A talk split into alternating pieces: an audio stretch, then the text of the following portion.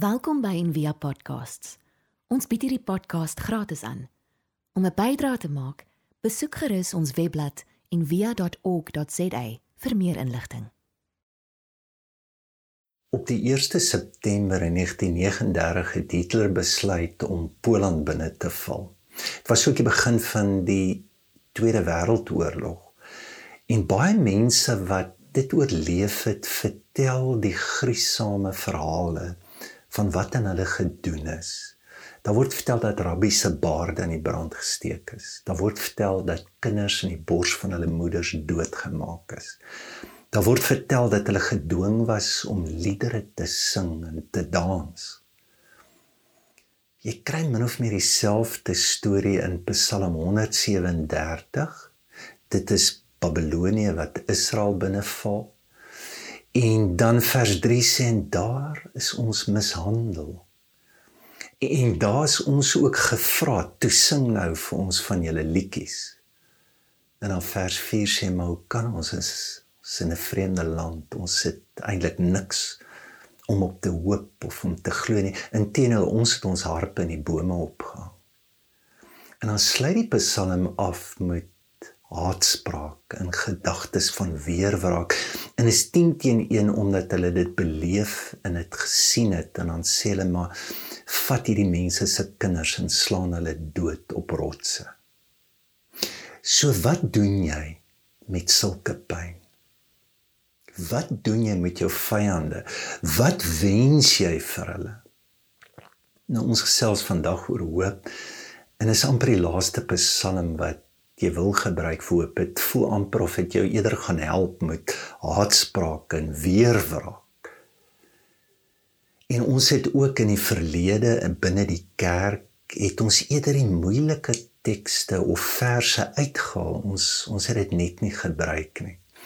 En tog sal baie mense vandag soos Walter Burgeman of Miroslav Volf, 'n Kroatiese teoloog, wat sê dat ons dit so nodig om hierdie psalms weer te hoor en weer te lees in die verskriklike moeilike tyd van verlies waarin ons nou lewe. Dit kan ons help en hoop gee.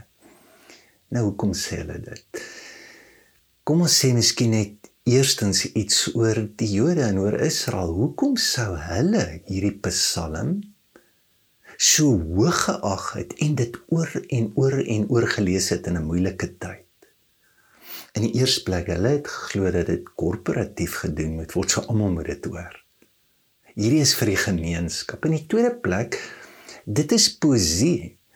So en ons weet nou dat poesie is mos woorde wat die estetiese, wat die verbeeldingswêreld wil wil aanwakker binne ons. En baie keer as ek nou sê die die beeste stap geduldige dienstig en gedoeye dan beteken nie hulle is letterlik geduldig nie.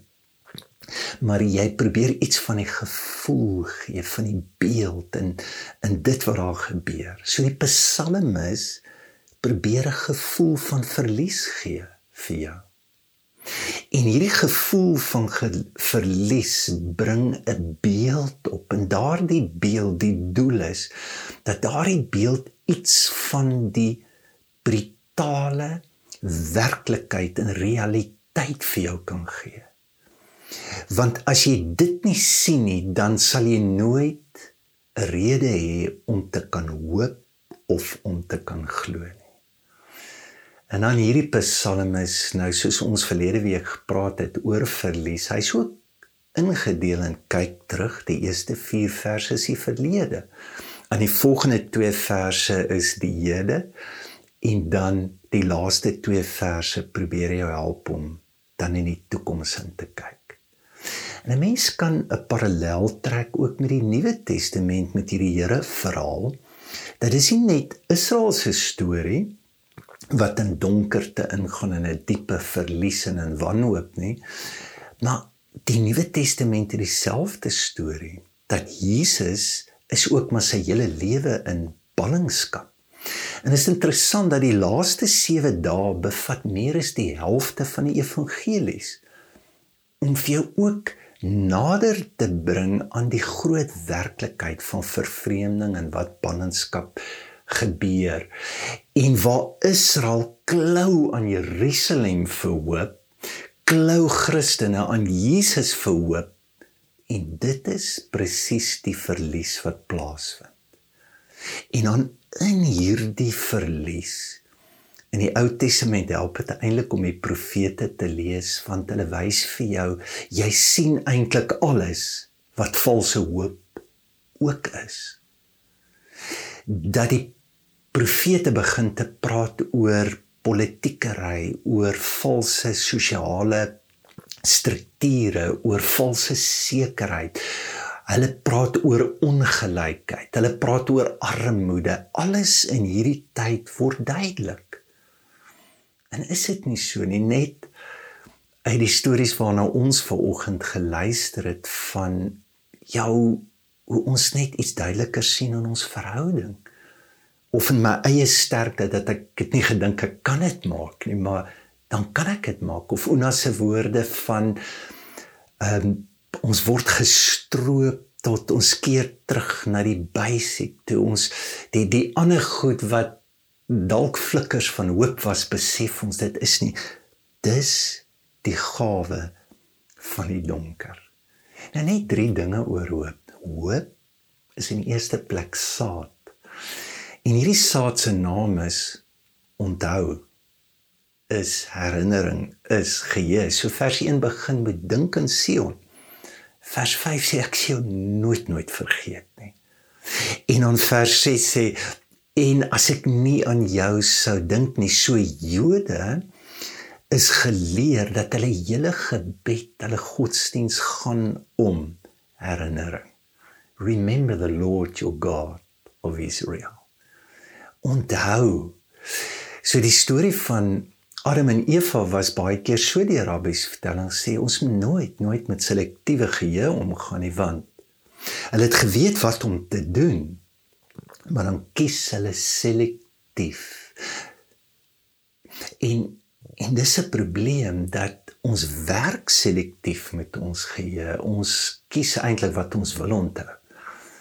As jy kyk wat in die Tweede Wêreldoorlog gebeur het, daar is mense wat dink is iets fantasties wat gebeur het en ons mense wat dink dis afgryslik wat daar gebeur het. Ons kies hoe ons wil kyk na goed. Dit is ook nie anders in die Bybel nie dat daar is 'n gedeelte in 2 Konings 9 wat 'n storie vertel wat sê dis die beste ding wat gebeur het dat hierdie moorde plaasgevind het. En dan Hosea 1 sê dat hy vertel dieselfde geskiedenis van ons sê en dit breek die Here se hart.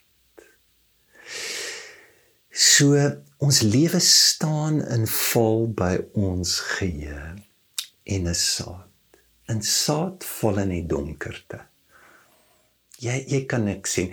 Ek het so te loop toe ek sien hier kom 'n baie lang tyd nou van dit. Toe gaan koop ek vinnig basil saadjies en uh, toe plant ek dit en dan elke dag dan skuif ek dit nou soos wat die son beweeg hier om die huis en dan wag ek en ek wag en jy sien niks nie. Maar een ding weet ek, baie keer twyfel ek oor is hierdie saad nog reg, jy weet, hoekom kom hy nie uit maar dit word gebeere in die donker. En ek moet onthou dat ek dit gebeere het. Desmond Tutu se definisie van hoop is dis om die lig te kan sien in die donker. Dit is om te begin om te leef soos wat dinge kan wees en om so te kan leef moet ek onthou. So Psalm 135, 136, 137 is baie keer saam gelees. So 136 is hierdie lang Psalm wat sê loof die Here want hy's goed en dan staan daar en vergeet geen een van sy weldade. Vers 2 vergeet geen een van sy weldade. Vers 3 vergeet geen een van sy weldade. Dit wortel en grond ons op die plek van hoop. In die tweede plek, hoop is 'n prentjie. En vir Israel was dit Jerusalem. En hoekom Jerusalem? Want dit is waar die Here was. Dis waar die tempel is, dis waar ons bymekaar kom. Dis ons hele lewe setel rondom dit. Is nie ongelooflik die liedjie Jerusalema wat ontstaan het in hierdie vreeslike moeilike tyd. En is 'n liedjie uit, ek dink is die isiXhosa se Methodiste se sangboek en is Openbaring 21 wat sê hoorie daar kom 'n nuwe hemel, daar kom 'n 'n nuwe aarde en 'n nuwe Jerusalem. En ek dink die Here het ons so geprogrammeer dat wanneer ons hierdie woorde of hierdie beelde wanneer ons gekonfronteer word, dis dis meer as net 'n lekker dans. Dis iets wat ons roep, dis hoop. Dis diep verskuilde hoop wat in ons weggebere is wat vir ons sê hoorie. Hier kom iets en ek begin dit te sien. Hier's die belofte van dit. So die profeet Jesaja in Jesaja 43 vers 19 sê hy en hy sê dit sê don't look back. And don't lock yourself into that old precious remembering. En onthou nou, hy noem dit precious remembering. Want ons kan ook totaal verstok en verarm en verouder en net terug te verlang na hoe dinge was. Hoop kyk na dit maar hoop gee ook vir jou iets van hoe dit kan wees. En dan sê Jesaja I'm about to do a new thing. Now it spring forth. Do you not perceive it? So binne in ons is daar 'n verklikker 'n waarnemer wat ons kan vat na 'n beeld en na 'n prent toe van hoe dit kan wees. Want ek weet daar is saad die mooiste woorde vir my is die van Martin Luther King wat hy sê ek het 'n prentjie. Hy sê nie ek het 'n nuwe Bybelteks nie. Hy sê nie ek het nuwe wapens by Rusland gekry nie. Hy sê ek sien dit. Ek het 'n droom. Ek weet dit kan wees want daar is niks so sterk soos prentjies, soos verbeelding, soos 'n aanvoeling wat vir jou 'n nuwe toekoms beskryf nie. Dan in die laaste plek hoop is 'n gemeenskap. En is 'n nuwe ontdekking van die interafhanklikheid van mekaar. En dit lees ons dalk nie so seer in hierdie Psalm nie, maar dit voorveronderstel. Dit voorveronderstel hoe hierdie mense sit en huil dalk by die rivier hoe aangewese hulle op mekaar mekaar is. En is dit nie so in hierdie tyd hoe ras verdwyn, klas verdwyn en ewe skielik is ons almal saam. En hoop sê dat daardie saamgevoel maak dit moontlik dat God se toekoms nou die teenswoordige tyd word. So as 'n mens dink aan die geskiedenis van Israel dat ja, hulle gemeenskap was dalk baie baie nasionalisties. Dat dit gaan oor Israel, maar tog verstel God daardie hoop. Want wat gebeur in ballingskap? Hoe bevry God hulle deur Kores? Wie was Kores? Dit was 'n heidense koning. Dat die sleutel word maar eintlik my afhanklikheid al dink ek dis dalk vyand word dit God se skakel. En ons het so mooi as Jesaja sê en weet jy wat hulle gaan hulle sware van en gaan hulle pikke maak. En weet jy hulle gaan hulle spiese vat en hulle gaan snoei skerm maak. En weet jy wat hulle gaan nie meer in oorlog glo nie. Wat 'n beeld. Wat 'n wat 'n manier van saam wees met mense wat nie soos jy is nie. En ten diepste sê die Here ja, daar kom 'n nuwe Jerusalem. Ek gee vir julle Jerusalem, maar Jerusalem moet 'n nuwe profetiese blik wat vir almal daar is en selfs vir mense wat nie soos julle is nie. Hier's die nuwe Jerusalem. Ek wil afsluit deur te sê hoop is nie net 'n vaag gevoel dat dinge gaan uitwerk nie. Hoop is om God te onthou. Hoop is eintlik om my elke dag te herinner aan God wat teenwoordig is. Dit is eintlik 'n manier van dankbaarheid om om te bid en terug te kan gaan en myself te herinner maar hier is God in my lewe. Hoop is nie om die teenswoordige te ontken nie, maar dit is om die wete, die beelde te kry dat God se toekoms is ook in die teenswoordige tyd. Al val die wêreld om ons. Ek dink nou aan Walter Bruggeman wat sê um, met die diefstal en die eksploitasie. Hy sê weet jy wat dis maar 'n vorm van ateïsme want dit is iemand wat nie kan glo en kan hoop dat God sy toekoms vashou nie. Hy moet vir homself sorg. Is eintlik mense wat weet dat God sal sorg en God hou ons vas. Janis die Psalm afsluit met hierdie diep diep emosies van wraak, dan is dit regtig nie vir ons om dit te doen nie. Maar eintlik vir ons om nader te kom aan ons eie haatspraak en ook ons eie verlatenheid.